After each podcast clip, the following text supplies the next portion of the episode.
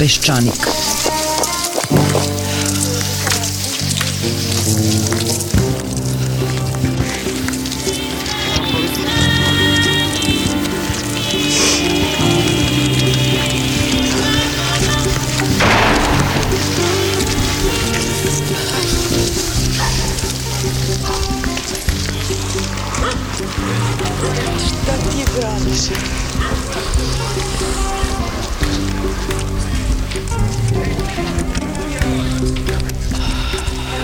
Peščanik.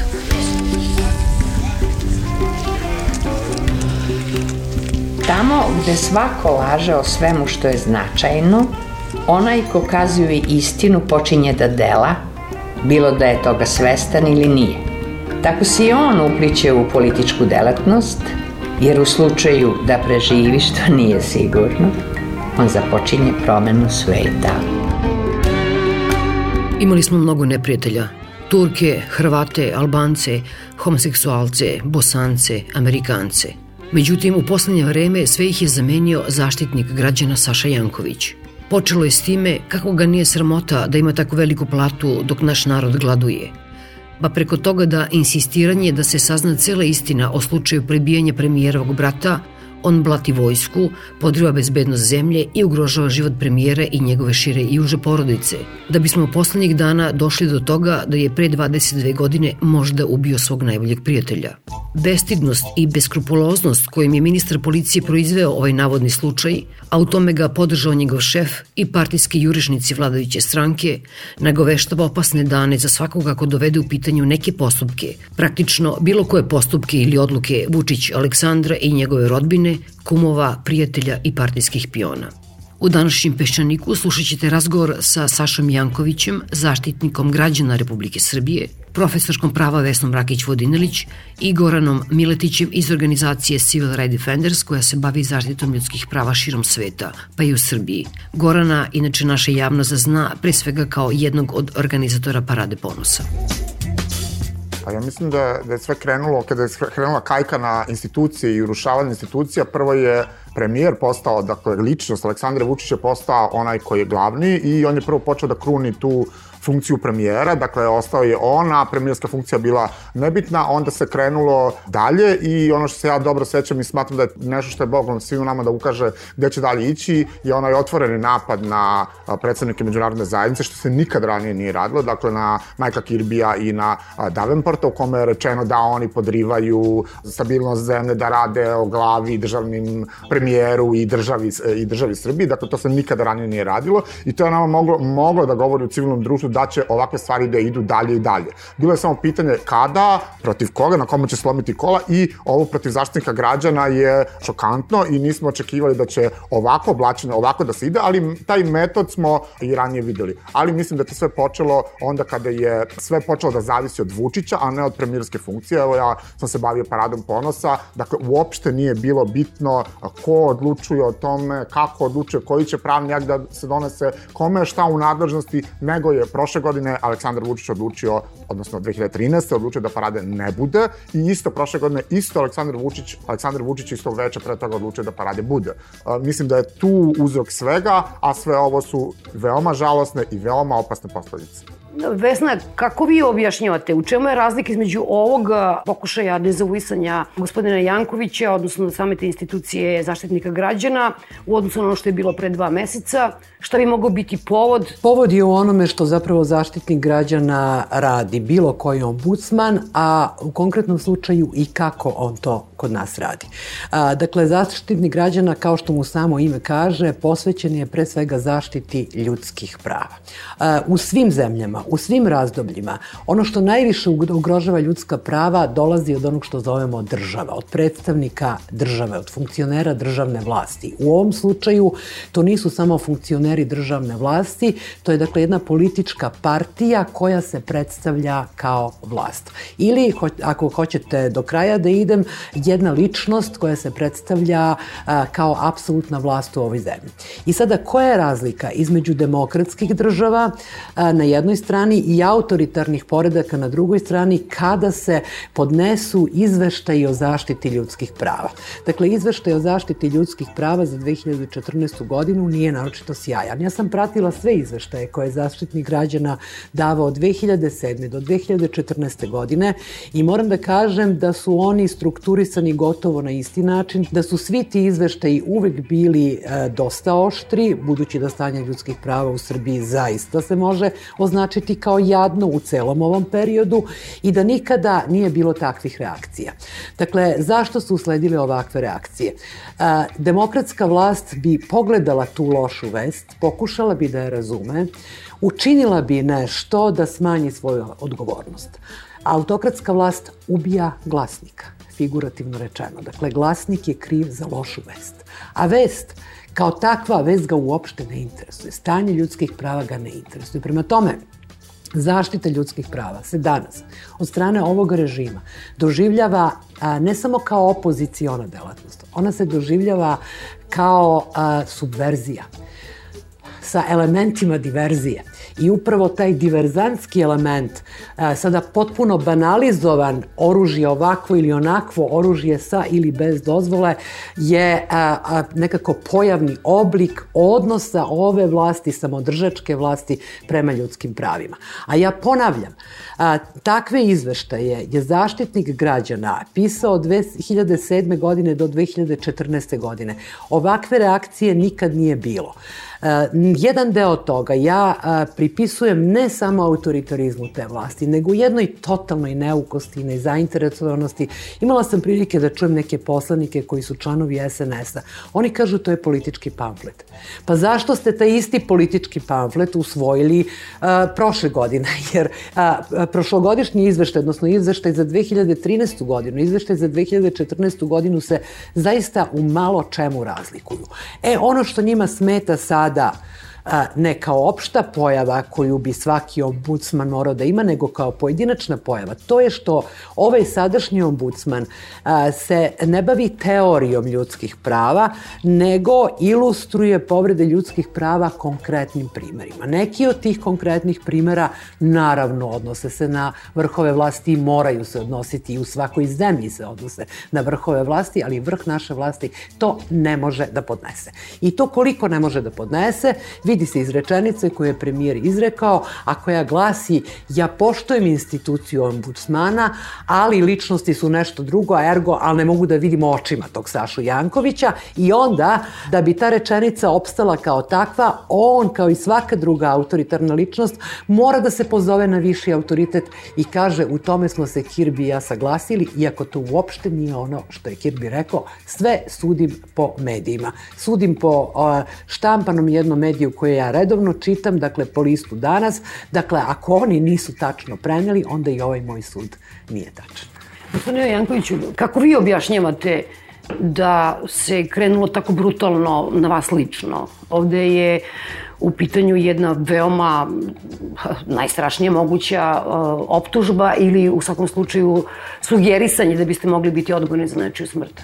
Dugo je pokušavano da se ospori kvalitet i objektivnost rada institucije, a institucija u ovom slučaju najpersonalizovanija moguća, dakle, zaštiti građana Saša Janković.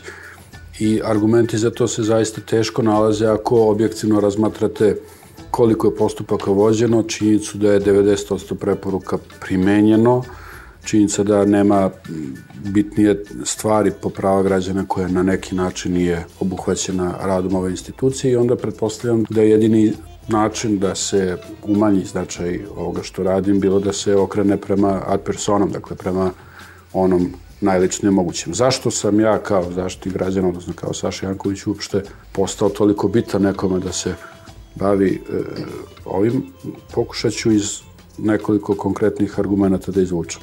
Podsjetit ću da je ministar Stefanović, ministar unutrašnje poslova, dr. Nebojša Stefanović, rekao da sam se ja bavio nekim, tražio da se, da se priča o nekim pištoljima, pa sada treba da se priča i o mom. Jedini pištolj koji sam se ja službeno bavio je pištolj koji je ispao ili izbijen iz ruke pripadnika vojne policije u sukobu sa žandarmerijom u incidentu u kome učestvovao brat predsjednika vlade. Dakle, neko mi suštinski kaže, zato što si ti radio svoj posao, istraživao si sve okolnosti koje su i propuste koje su doprinile tome da se desi kršenje ljudskih prava, desilo se. Radio si svoj posao i u, slu, u situaciju u kojoj je učestvovao brat predsjednika vlade. Sada ćemo se mi baviti tvojim pištoljem od pre 22 godine i otprilike to je jedan onako veoma konkretan mali pokazatelj. Drugi pokazatelj je činjenica da je CESID nedavno radio istraživanje javnog mnjenja prema kome je zaštitnik građana kao institucija, kao državni organ ovako stoji na toj hijerarhijskoj lestvici. Vojska, policija, crkva kao i uvek, to su institucije sa nadružnom tradicijom kod nas, ali obratite pažnju, molim vas, ne ministarstvo odbrane, već vojska, ne ministarstvo unutrašnjih poslova, već policija i crkva, zaštiti građana, vlada Republike Srbije nakon toga i jedini praktično od organa države koji još ima pozitivan skor, dakle više pozitivnih nego negativnih poena je poverenik za informacije javnog značaja i zaštitu podataka ličnosti. Svi drugi organi Republike Srbije, nažalost, imaju mnogo veće nepoverenje nego poverenje građana. A to se ne prašta? To se izgleda ne prašta. Nažalost, umesto da se poverenje koje su građani stekli u ove dve institucije, saradnjom sa ovim institucijama, praktično proširi i omogući građanima više razloga da vide da, da imaju poverenje u državu kao celinu, jer i poverenik i ja smo državni organi, jednostavno se ne prašta takva situacija i, i pravimo jel, konflikt. I konačno, kao što je profesorka s pravom rekla to na prvom mestu, Dakle, taj izveštaj godišnji u kome ja objektivno moram da konstatujem da je došlo do pogoršanja u ekonomskim i socijalnim pravima, pa ko to ne vidi? Dakle, mi smo objektivno doneli zakone koji su smanjili prava radnika, koji su smanjili prava penzionera, koji su e, na lokalu čak oduzimaju se prava, e, prava naj, socijalno najugroženijim. Uveli smo obavezu radnu, obavezu za socijalnu pomoć i to više onda nije pomoć. Ako neko radi, onda je to naknada za rad, više nije pomoć. Dakle, to su objektivne činjenice. A da ne pričamo o političkim pravima, o slobodi izražavanja i slobodi medija, to je jednostavno tako. Ali danas kada to jel, u sedmi godine rada, kaže zaštitnik građana, očigledno da to suviše življava kao verodostojno i odlučuju se da više veruju tome nego nekim drugim izjavama. Malo časnije je neko to pomenuo da je zapravo izveštaj koji je gospodin Janković kao zaštitnik građana podneo Skupštini, da je rečeno da, se, e, da je on politizovan. Zapravo i u izjavama državnih funkcionera se stalno indikuje to da je to politički obračun.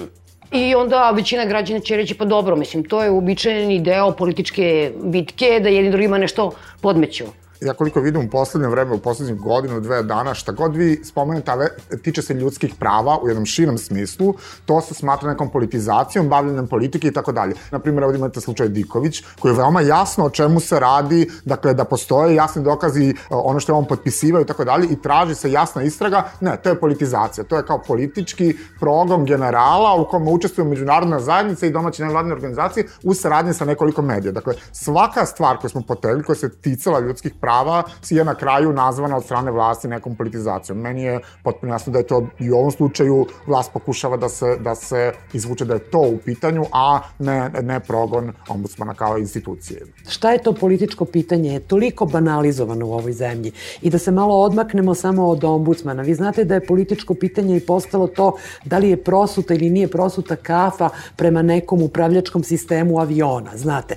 I onda ovaj, je to poslužilo uh, savjetnicima predsednika na jednoj strani, jednoj ministarki na drugoj strani za uzajamne optužbe ovakve ili onakve. Dakle, banalizovanje ljudskih prava time što se tvrdi da onaj ko se zalaže za njih jeste opozicija je potpuno suludo. Mi smo u Evropi, makar geografski, ovo je 21. vek, Srbija je članica Saveta Evrope i uopšte tu ne treba da se pravimo blesavi i ne treba da nasednemo, niti da se bavimo tim pitanjem da li su ljudska prava pitanje prava ili pitanje politike.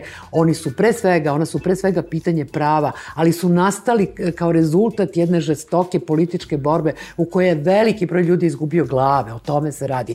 I sada kada je taj ogroman broj ljudi u celom svetu, u Evropi naročito, pogubio glave zbog borbe za ljudska prava, mi sada treba da dokazujemo da se izveštaj ombudsmana bavi ljudskim pravima. Ja sam čula neverovatne izjave od e, strane nekih poslanika. Prosto ne možete da verujete da je, da je moguće tako nešto. Recimo, jedan poslanik kaže, zamislite, on pominje torturu u ovaj izveštaju. Pa naravno da pominje torturu kad je Srbija potpisnica konvencije o zabrani torture, a neka pogledaju izveštaj. Uopšte nikakva tortura nije pominjana, nego se izveštaju predlaže recimo da se poboljšaju uslovi u pritvoreničkim jedinicama u policijskim stanicama i to fizički uslovi kako izgleda soba u kojoj se nalazi zatvorenik i čak je, ja mislim, malo i preterao u pohvali zaštitnih građana kad je rekao da se sada tim pritvorenicima predaju lekarski izveštaj, to što do sada nije bilo činjeno normalno da im se predaju, ali ajde, izgleda da ovde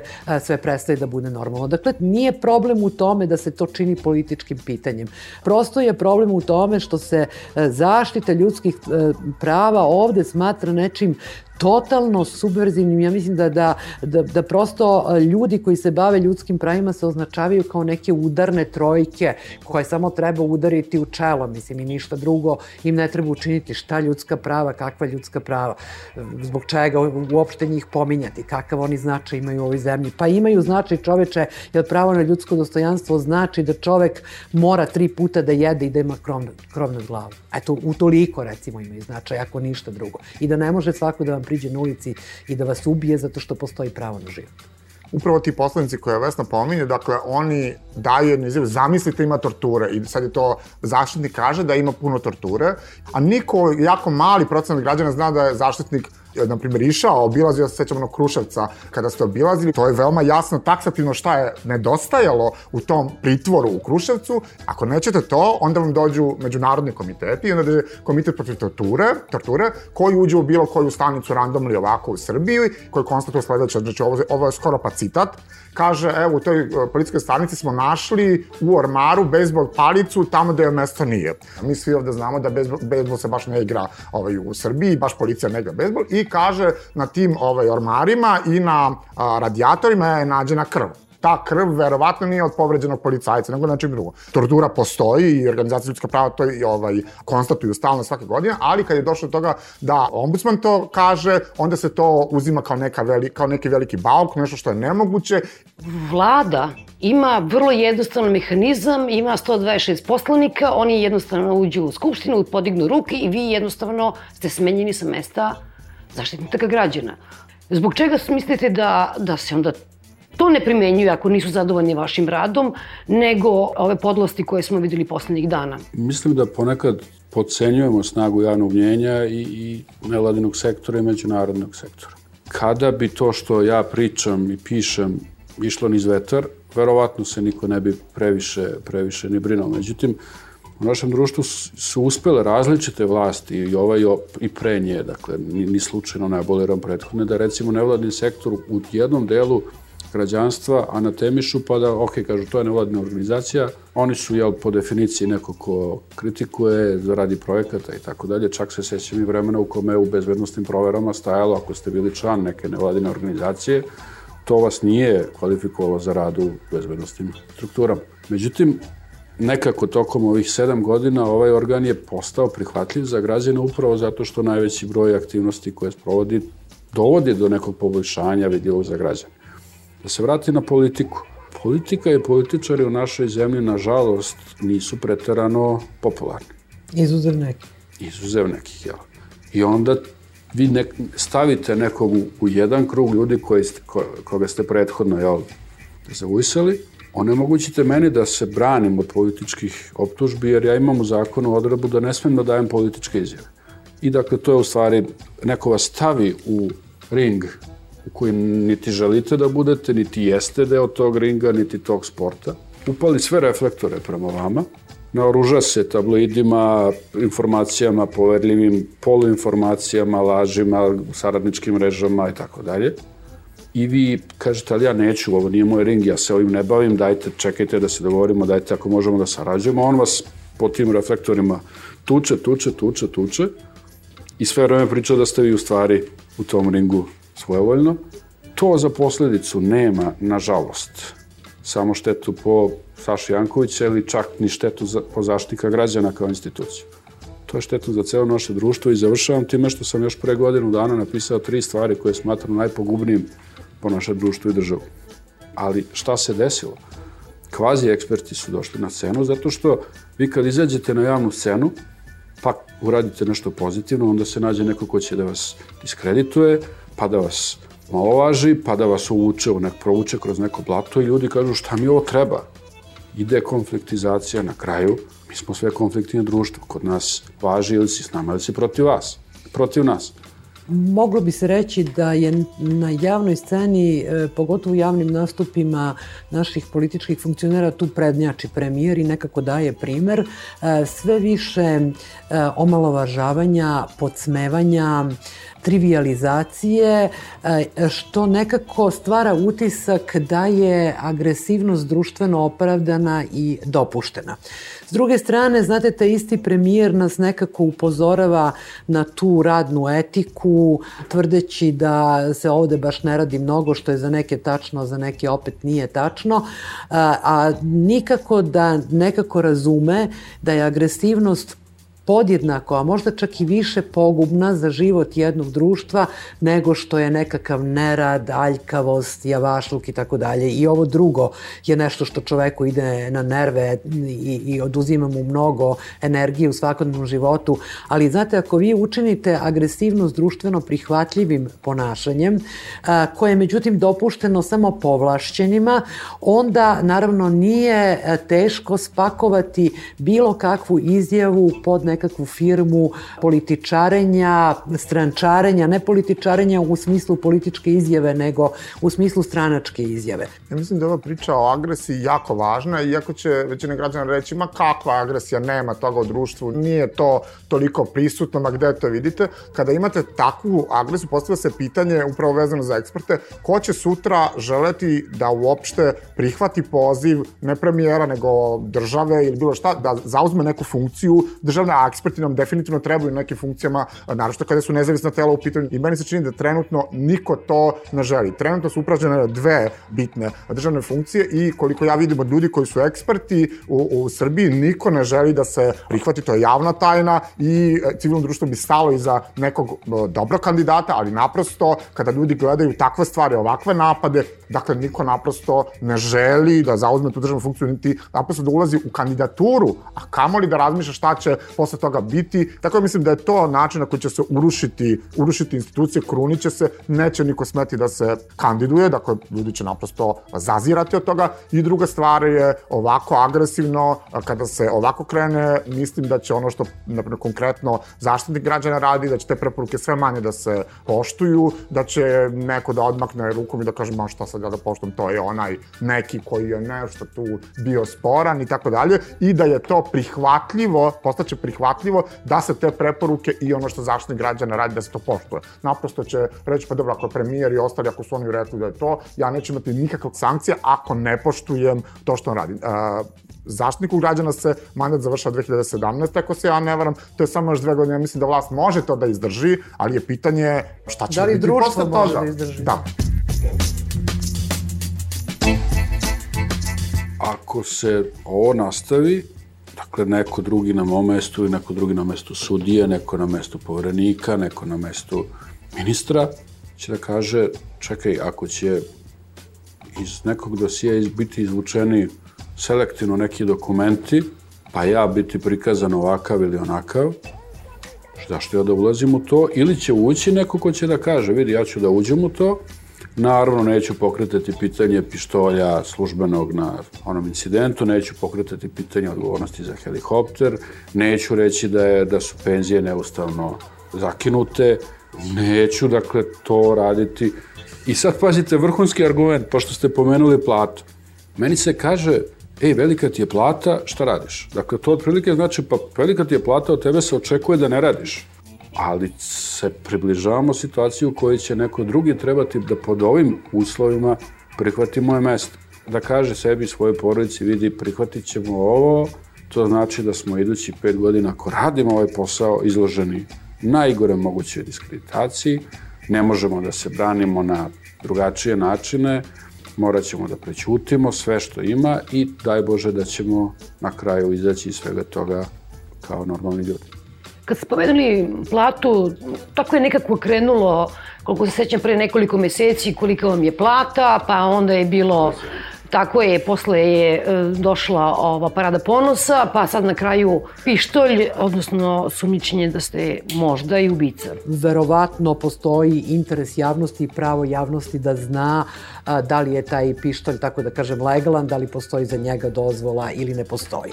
I sada smo mogli da vidimo na sajtu Ministarstva pravde, ja sam ga juče pogledala, posle policije. malo reći, policije, prostite, pogledala sam snimke tog oružnog lista, ako se tako zove, i vi tek posle pažljivijeg gledanja i malo dugotrajnijeg upuštanja u celu stvar, ako još imate nekog pojma, ja sam neki pojam odavno o tome stekla kad sam radila u sudu, e, možete da zaključite da je u momentu kada se ta tragedija, to samoubistvo dogodilo, da je zapravo vlasnik pištolja, svejedno je ko je, trenutno je ombudsman, je tako, imao sve uredne papire za taj list. Ali do tog zaključka dolazite ne na prvi pogled, nego tek na drugi pogled i ja e, imam utisak da možda o tom oružju odista i nije objavljeno sve ono čime sadašnja policija policija raspolaže. Kada je reč o zapisnicima koji se tiču uviđaja sa lica mesta povodom e, samoubistva, u to sam potpuno sigurna da policija nije objavila svu dokumentaciju. Dakle, ono što tu svakako nedostaje od dokumentacije jeste obdukcioni zapisnik, parafinska rukavica na umrlom licu i ono što svakako nedostaje od dokumentacije, budući da nikakav postupak krivični posle toga protiv vlasnika stana i da i vlasnika oružja nije vođen, Tu je odluka istražnog sudije, zaključak istražnog sudije da krivičnog dela nema i da je u pitanju samoubistvo. Dakle, ja sam uverena da takvi dokumenti moraju da postoje ovaj, u policijskom dosijeu. Ja sam uverena da bar ta tri dokumenta, je tako, koje su neophodna kada su ovakvi slučajevi u pitanju, nisu objavljena. E sad, ko je selektivno objavljivo dokumentaciju, to je naravno pitanje ne za nas ovde, nego za ono ko je objavio dokumentaciju dokumentaciju, a za objavljivanje te dokumentacije odgovara pre svega ministar policije. Pošto je bila njegova inicijativa, on je rekao da će se on e, zainteresovati u razgovoru sa tužilaštvom prvo o eventualnom krivičnom delu nedozvoljenog držanja oružja, pa kada je tu zaključio da je došlo do apsolutne zastarelosti, onda sam, i sad se vraćam na to zašto sam pogledala taj sajt, čula vesti, sad neću da kažem koje televizijske stanice, pažljivo sam slušala šta spikerka govori i onda sam samo i sebi rekla, e pa evo, plagijator sada ombudsmanu pakuje ubistvo. Druga misao mi je bila, pa neće uspeti, ovaj, nije to njegov doktorat. Ali treća misao mi je bila, iako sam se sama lično uverila u to koliko prepisivanje postoji u tom takozvanom doktoratu, taj doktorat mu nije oduzet. On ga i dalje ima. Dakle, vi ste dali odnosno mi smo dali, dali smo u ruke diletantima jednu osetljivu igračku, a, a vrlo skupo cenu, kao da ste dali detetu od tri godine Faberžeovo jaje, koje ne znam nija koliko košta, i sada se oni lepo sa time igraju. Igraju se, međutim, ne sa Faberžeovim jajima, nego sa našim životima koje, eto tako, mi nekako volimo da proživimo i da živimo dok nam traje naše vreme, a ne da pre toga odemo sa ovoga sveta, bilo u figurativnom smislu, bilo u fizičkom smislu. Dva praktične elementa ima taj slučaj za mene. Jedan je da je počeo pričom o nelegalnom pištolju koju zaista kao što profesorka reče bi građani Srbije imali pravo da znaju da je njihov zaštitnik građana pre 20 godina u onim 90-im držao nelegalno oružje.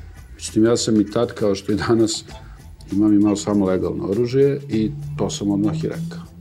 Mi smo čak i u toj, toj dokumentaciji o samom pištolju opet je ministarstvo izostavilo da prikaže moj oružni list. Dakle, prikazalo je moj oružni list za raniji pištolj, jer sam imao jedan još ranije, mog oca oružni list, pa smo mi zamenili to oružje i nekako su zaboravili da prikažu moje.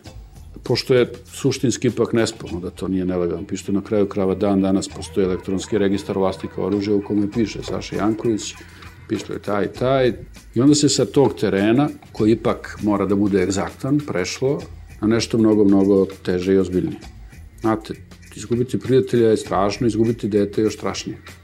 I teško je bilo kome da prihvati tako strašnu životnu činjenicu. Ja sam baš zato što sam i tad shvatao sve to, čak smo insistirali da se radi sve što treba da se radi. Rađeno sad ja da vam kažem, rađeno je poligrafsko testiranje, dakle detektor laže. I ti rezultati moraju da postoje. Tako. Rađeni su i otici prstiju na pištolju.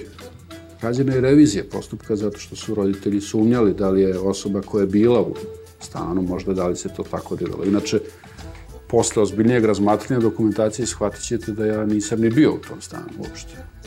Dakle, to nije sporno i u momentu kad sam ja došao u njega bilo je najmanje tri osobe već koji su pre toga.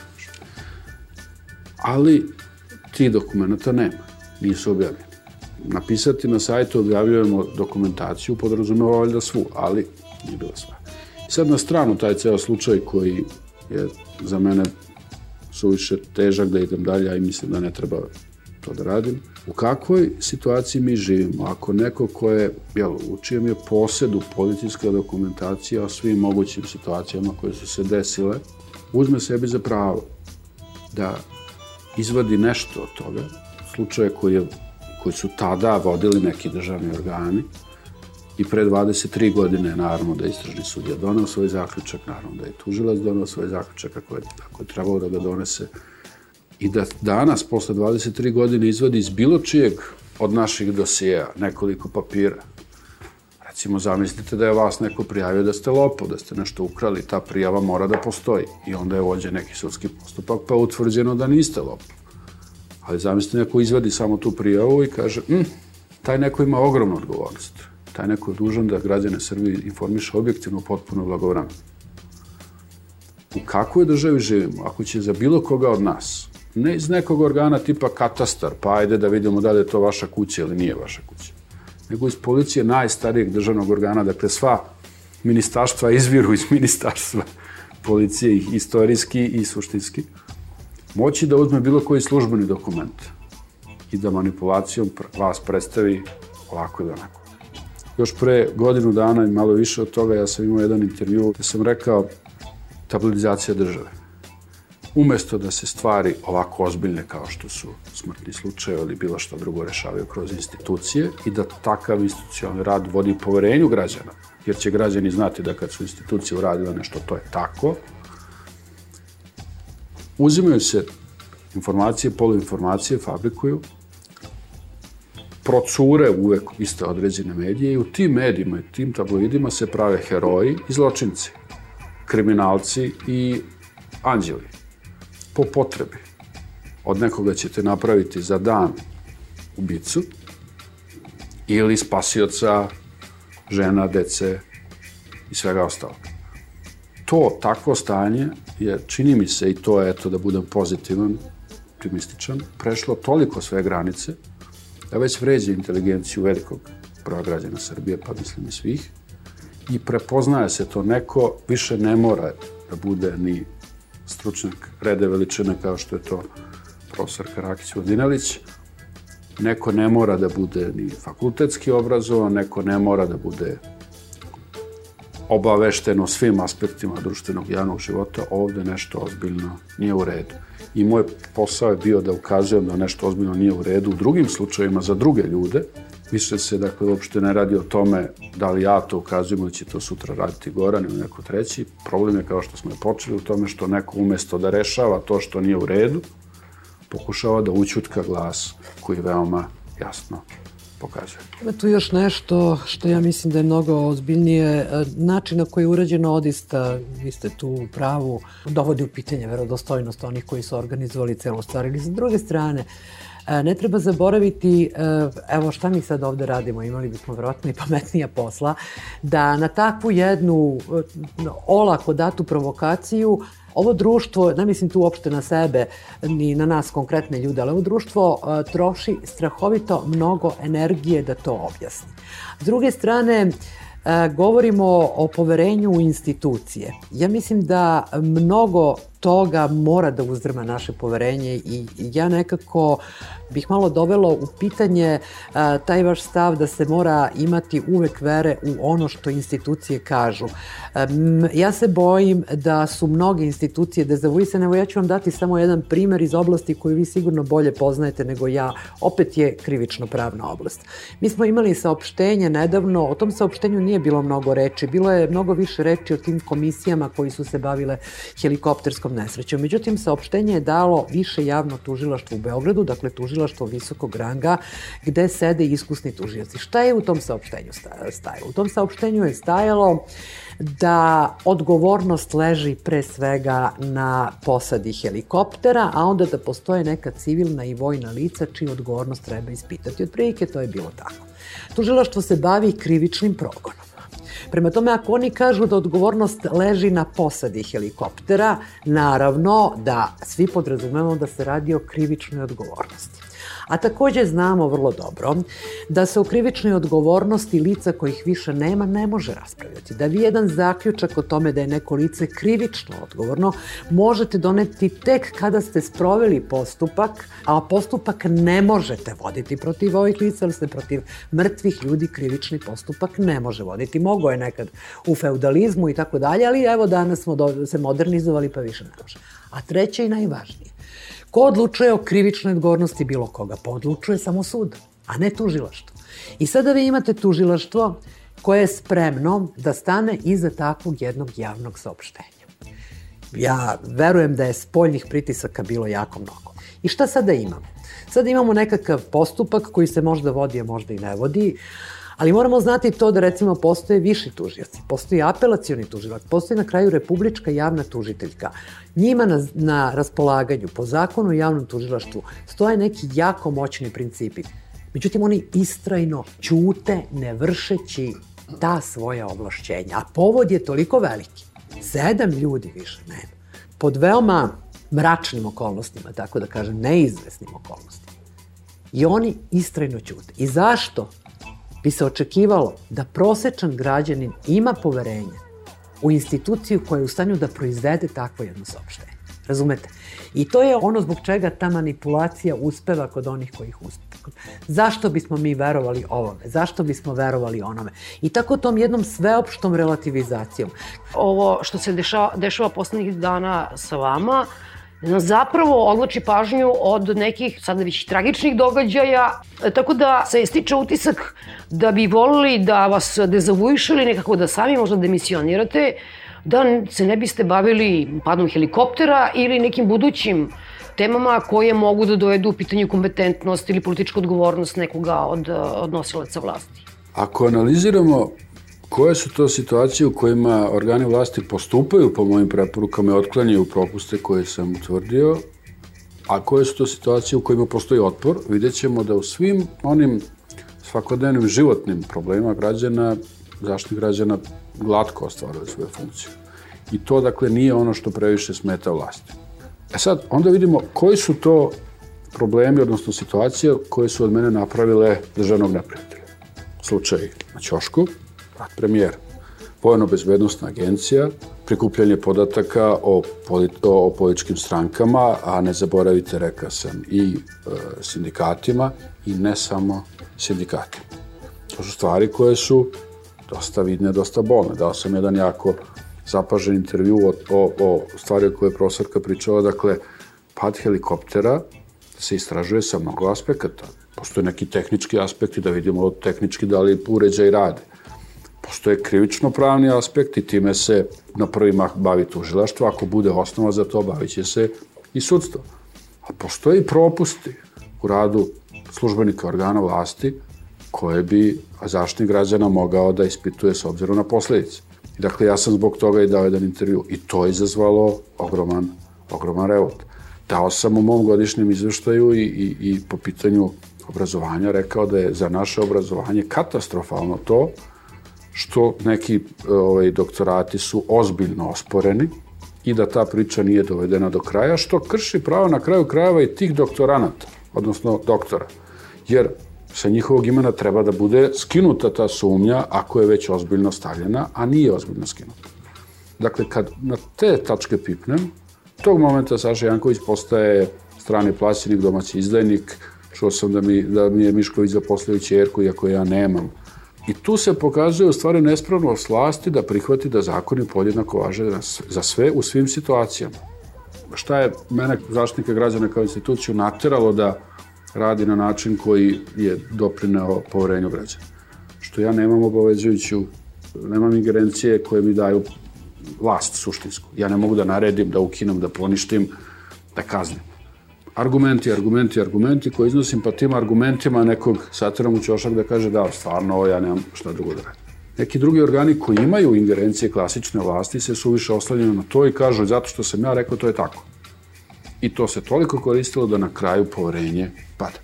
To poverenje nije samo poverenje u njih, trenutnu vlast, to je poverenje u institucije naše države i daleko sežne su posledice urušavanja institucija, a mi imamo na delu urušavanja institucija, samovolju, banalizaciju procedura, negativnu selekciju, posticanje poslušničkog odnosa među službenicima, dramatične su posledice takve vrste urušavanja institucija kod nas. Pa evo, setimo se samo jednog potpuno nepolitičnog događaja, nepolitičkog događaja kako je bilo recimo uvođenje notarijata koji postoji u celoj Evropi, koji je, mislim, jedna, jedna normalna profesija. E sad mi smo morali da izmislimo i u tom pogledu rupu na saksiji, iako je notarijat vrlo star, pa da uvedemo notarijat na način i sa ovlašćenjima kakve niko nije imao kada je notarijat posle dugo, dugo decenija, kako je to bilo i kod nas, ponovo uvodio. I to je sada izazvalo revolt advokata, ali ajde što je izazvalo revolt advokata, nego izazvalo gotovo totalnu paralizu celog pravosudnog aparata a koja je trajala nekoliko meseci. Ja sam se zaista pitala za sve to vreme E, da li će e, se to nekako ipak završiti ili se neće završiti jer mi se činilo da zapravo e, političkoj vlasti odgovara da pravosuđe ne radi. Znate, što je nezamislivo i za jednu savremenu zemlju. Tako da neki događaj i neke radnje koji su apolitične zbog razno raznih razloga, trapavosti, dilentantizma, koruptivnosti, možete nabrojati jako mnogo potencijalnih razloga, proizvedu strahovito značajne političke posledice.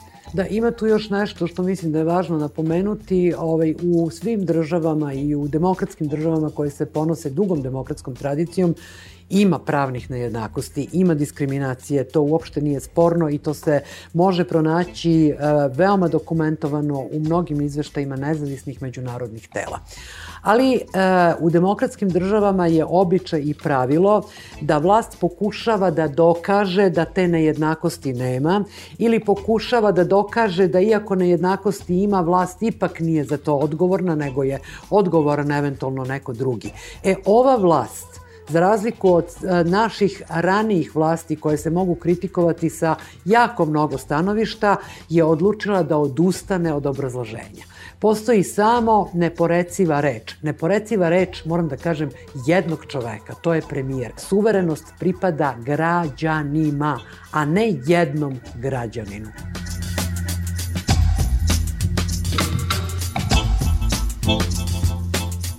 S obzirom na ovo što se sada dešavalo sa zaštitnikom građana sa gospodinom Jankovićem, kao da su jednostavno skinuli rukavice Prosto nemam razloga više ni da kažem pa velika vam je plata, pa možda vi imate pravo da tražite ne, ne znam, tužilaštva ovo ili ono. Sada se zapravo demonstrirala brutalna sila. To paralelno ide sa brutalizacijom i fizičkim obračima koje možemo da vidimo u Novom pazaru, u Indiji. Meni se čini nekako da smo mi zaista na nekoj prekretnici ozbiljnoj kada neću više da vam objašnjavam ništa. Neću više ni da se trudim da upodobljavam vlast od Republike pa nadole. Ako nećeš da odeš, ako ne mogu da dobijem većinu, ne znam, u nekom mestu, prosto ćeš dobiti batine i gotovo. Ja mislim da je Srbija krenula putem svojih prijatelja, znači Rusija, Belorusija, Azerbejdžan, to su naše kao neki divni prijatelji sada. Kako se oni ponašaju tamo, postaje slično onome što je u Srbiji. Jedina razlika je što, na primjer, Azerbejdžan i, i Rusija imaju naftu, pa oni mogu možda mnogo jače da se ponašaju prema onima koji im ne odgovaraju, ali otprilike ovde neka light verzija, to ublažena verzija, nakon bez šećera, ponašanja prema medijima, ponašanja prema civilnom društvu i prema nezavisnim institucijama. A što se tiče nezavisnih institucija koje su naš, naša tema, ja mislim da se vlada, to je sada definitivno vidljivo, neće smiriti dok tu ne postavi neke ljude koji će da ćute, odnosno da ne rade svoj posao. Ne verujem da će kao Azerbejdžanu da sve bukvalno ovako ovaj, stave, stave u zatvor. Ovih dana sam bio u Beču i imate jedan od tih mnogih sastanaka OEPS-a i tu sedi 57 zemalja članica i sad imate zapadne zemlje koje upravo se ponašaju ovako kako Vesna navodi. Oni kada im neko govori da se kod njih krše ljudska prava, oni to zaista na pravi način pokušavaju da kažemo da se odbrane od toga i da kažu nije tačno ili da kažu šta su preduzeli. Dok imate zemlje koje je baš opet naša prijatelja Azerbejdžan ili Tadžikistan ili Rusija gde oni kažu da je to ispolitizovano. Srbija se u svemu tome ponaša tako da ćuti trenutno smo došli do tog da nismo ni sa zapadnim zemljama, a niti sa ovim, opet da kažemo ovako, prijateljima, već Srbija ćuti i kada imate ta saopštenja zajednička, gde su zemlje Evropske, članice Evropske unije, plus zemlje kandidati kao što su Crna Gora, kao što je Makedonija, Albanija, tako dalje, Srbija se sada u OEPS-u ne pridružuje tim saopštenjima koji se, a to su saopštenja koji se tiču ljudskih prava. Srbija je vrlo jasno i glasno van tih saopštenja i ona zauzima poziciju ćutanja. Da, to je nešto što se primećuje u poslednje vreme ako malo pogledate međunarodnu scenu, međutim ako pogledamo nekako ovu našu scenu, verujem da su se znaci nedopustivog obrušavanja vlasti ne samo na institucije, nego i na medije, možda ih zvati nekom vrstom institucije, pokazali e, već ranije.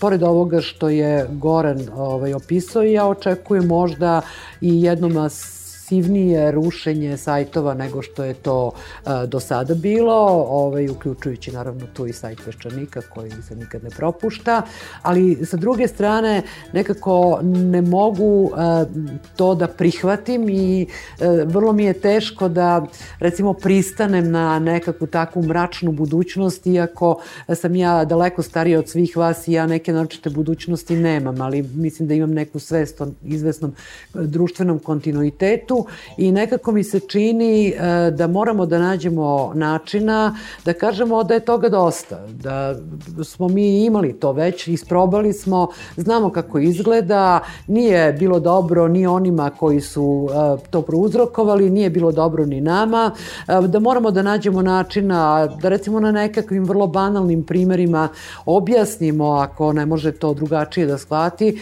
recimo i ministru policije, da jednostavno ne može dati prioritet nekakvom umišljenom zločinu od pre 22 godine, nego moramo prosto da ga pitamo ovaj, šta je sa Kosmajicem, šta je sa Šarićem, šta je sa 24 sporne privatizacije, šta se dešava sa ispitivanjem krivične odgovornosti, kakva je uloga policije u tome za pad helikoptera. Dakle, jednostavno nekako mi se čini da se mora svako od njih pojedinačno pominjati šta mu je dužnost da radi, a šta nije uradio, sastavljanjem u izgled toga da oni neće tu biti večito a, i da će se, kada budu morali da odu, jer ih neće izabrati ponovo, morati postaviti pitanje njihove odgovornosti i da li bi takvu odgovornost onda smatrali kao revanšizam ili bi smatrali pravičnim postupkom prema njima. Dakle, nekako mi se čini da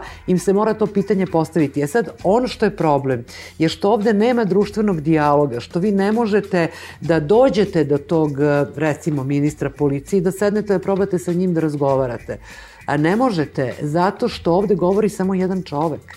E, I taj čovek e, svoj govor e, i verbalno i neverbalno saopštava na jedan agresivan način ta agresija ubija društveni dijalog. Mi smo sad u dosta teškoj situaciji, pre svega ekonomskoj. I dijalog je potreban. Dijalog je o, na, na neki način odušak. Od dijaloga se ljudi osjećaju bolje, a ne gore mene dobar deo nevladinog sektora, pretpostavljam i dalje, ne smatra dovoljno radikalnim u pozitivnom smislu, naravno te reči u, u, u zahtjevima za ostvaranje ljudskih prava. Da. Često, često se misli da bi ja trebao i mogao više, jače i tako dalje, a čak i ovo što radim za vlast je postalo potpuno neprihvatljivo. I to je prvi znak. Dakle, čak i ja još jednom koji sam, čini mi se, relativno konzervativan po pitanju ljudskih prava, sam, sam neprihvatljiv. Drugo pitanje je to shvatanje kako ćemo dalje. Opet na, na kratkom primjeru. Pre parade ponosa policija štrajkovala. To je bio veliki problem. Ja sam razgovarao sa predstavnicima sindikata koji su štrajkovali. Oni su došli kod mene sa, sa čak evropskim predstavnikom Evropskog udruženja policijskih sindikata. Ja sam ih pitao za njihove zahteve. Tih pet njihovih zahteva, oni su praktično odustali od većine u razgovoru sa mnom, zato što sam ja rekao jednostavno da smatram da nije neki, da, da dobar deo njih nije osnovan i sa tim se složio i njihov kolega iz, iz Evropske centrale. I onda smo došli do toga da možemo relativno brzo uz jedan kvalitetan razgovor s ministrom unutrašnjih poslova i dogovor o tome da će se o onim preostalim pitanjima razgovarati i nalaziti rešenje, da će, sta, da će štrajk stati. Ja sam prezadovoljan nazvao ministra unutrašnjih posla i rekao, analizovat ću, rešio sam ti štrajk. I sve što treba ministra da uradite je da sedete s tim ljudima da kažete, ok, ovo je nemoguće, a ovome ćemo u narednom momentu da, narednim danima da, da radimo i ovo je rešilo. I ministar je rekao da, sjajno. I dogovorili smo se za taj sastanak, posle koga bi pre parade ponosa policija prestala da štrajkuje. I onda me pozvao sutra i rekao, ne želim da razgovaram sa njim. Onda sam pozvao predsednika vlade i rekao mu ja ne razumem. Imate situaciju u kojoj imate rešenje. Neću ja nikog moliti da radi svoj posao. Ne treba nikog da moliš. Kako se to okončalo? Beogradska interventna brigada, deset odeljenja, štrajkovali su. Šefovi svih, odnosno deset grupa, šefovi svih grupa su razmešteni. Jedan je dobio posao u Barajevo, drugi je dobio posao u Borči, treći u Ovči, Mladenovcu, Dakle, svi šefovi tih grupa sklonjeni. I dakle, neko je procenio da umesto put dijalog, putem dijaloga, da će veću korist, ne znam kako, da ima sekući ljude. I iako sam po službenoj dužnosti kritičar, po službenoj dužnosti sam i optimističar. Ja mislim da ćemo mi naći, na, naći način da prevaziđemo ovu situaciju, ovu jednu društvenu napetost, da će vlast, nadam se, shvatiti da je u njenom najboljem interesu da prihvata i ispravlja svoje propuste, umesto što one kojim ukazuju na te propuste proglašava za državne neprijatelje i primenjuje prema njima metode iz davno, davno prošlih vremena. Kao što smo u prošloj emisiji razgovarali sa gospodinom Sašanom Gajinom o novom nacrtu zakona o policiji i o prikupljenju i obradi podataka, koji su potpuno nedopustivi za normalnu demokratsku zemlju, čak i ako se prihvate te primetbe, a, jako je važna namera koju su mi iskazali radići tu vrstu nacrta zakona. Tako i za nas isto važno, kako god da se završi ovo sa, sa vama, nama je ovo važan pokazatelj u kom pravcu se oni kreću, a to je, izvinjam se, stvarno zastrašujuće taj trend, to su staljinistički da, metodi, ja ne znam drugačije. trend je uh, trenutno sa svim autokratski i linija između autokratije i diktature, po mom mišljenju, još nije pređena, ali ako se nastavi taj čvrsti autokratski trend, ja mislim da nećemo biti daleko uh, od diktature. Sad, ako hoću da govorim u nekim uh, teorijskim kategorijama, a ako hoću da prevedem na praktični jezik, jeste vi možete ovde još uvek da izađete na ulicu, da nosite transparent, ništa vam se nešto naročito od vlasti neće desiti, desit će se možda od nekih slučajnih prolaznika, to je tako svuda, to nije ništa neobično, ali ako se ovako bude nastavilo, onda ćete kad izaćete na ulicu ići u zatvor. Ili ako ste vrlo visoko rangirani, na primer, u civilnom sektoru, u nekoj značajnoj nevladinoj organizaciji, onda će vam, kao u nekim zemljama koje je pominjao Goran, pronaći da niste platili porez, pa ćete otići u zatvor na jedno 5-6 godina i to za neko sramotno i bezčasteće krivično delo. Ovo krivično delo koje nas, to je podmetnuti ombudsmanu, je takođe krajnje nečasno krivično delo. Prvo je bilo ono, ajde, relativizovano, e, bavimo se oružjem, a sada se, boga mi, bavimo ljudskim životom. I to je nešto e, što e, može da se desi svakome od nas, jer kad vlast ode u takvom pravcu posvemašnje nervoze, onda nikad ne znate čime joj stajete na žulj. Ja mislim da je trenutno faza disciplinovanja, dakle, ili ćeš da ćutiš, ili će nešto ružno da ti se desi. Izbor u tom nešto ružno će ti se desiti, može biti ovo, kao što je neka kampanja, može biti da ćete pronaći nešto sa porez, može biti da ćete udariti na ulici, kao gospodina Ješića, može biti mnogo toga i repertoar toga će se povećavati, verovatno, ali to je nešto disciplinovane. Zašto sam ja pesimista za razliku od gospodina Jankovića je što ja trenutno ne vidim interes vlasti da počne sa poštovanjem ljudskih prava i da počne sa dijalogom. Ja bih bio apsolutni optimista kada bih ja video neki interes trenutno da se to, ove stvari uh, promene, a trenutni interes nije zato što ne postoji ni čak ta priča oko evropskih integracija, zato što ta, trenutno samo prego, pregovori sa Kosovom i sve ostalo će biti pa da kažem, zažmureće se na, na Ali, jedne Gorane, to nije stvar samo naše vlasti, nego je, čini mi se, oni glasovi koji dolaze iz Evrope, ako vi uredite vaše odnose sa Kosovom, pa ovako će vam gledati kroz ne znam nijakoliko prstiju i čini mi se da je to poruka koju ova sadašnja vlast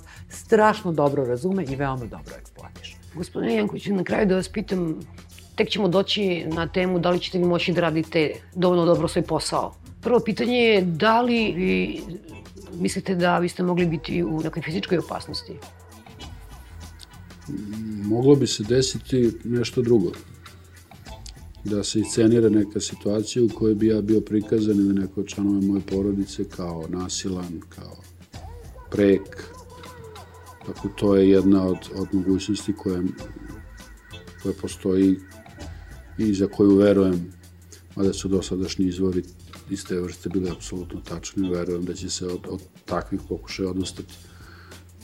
Još jednom kažem, mene jako raduje činjenica da je preko 3000 ljudi koje ja ne znam potpisalo peticiju na kojoj se na, su se našla imena koja se inače teško mogu naći u istoj ulici, ali gledaju da iz, izađu iz iste ulice ako vide, ako vide onog drugog s druge strane. To se desilo i prilikom takozvane reforme pravosuđa. Pravosuđa, da.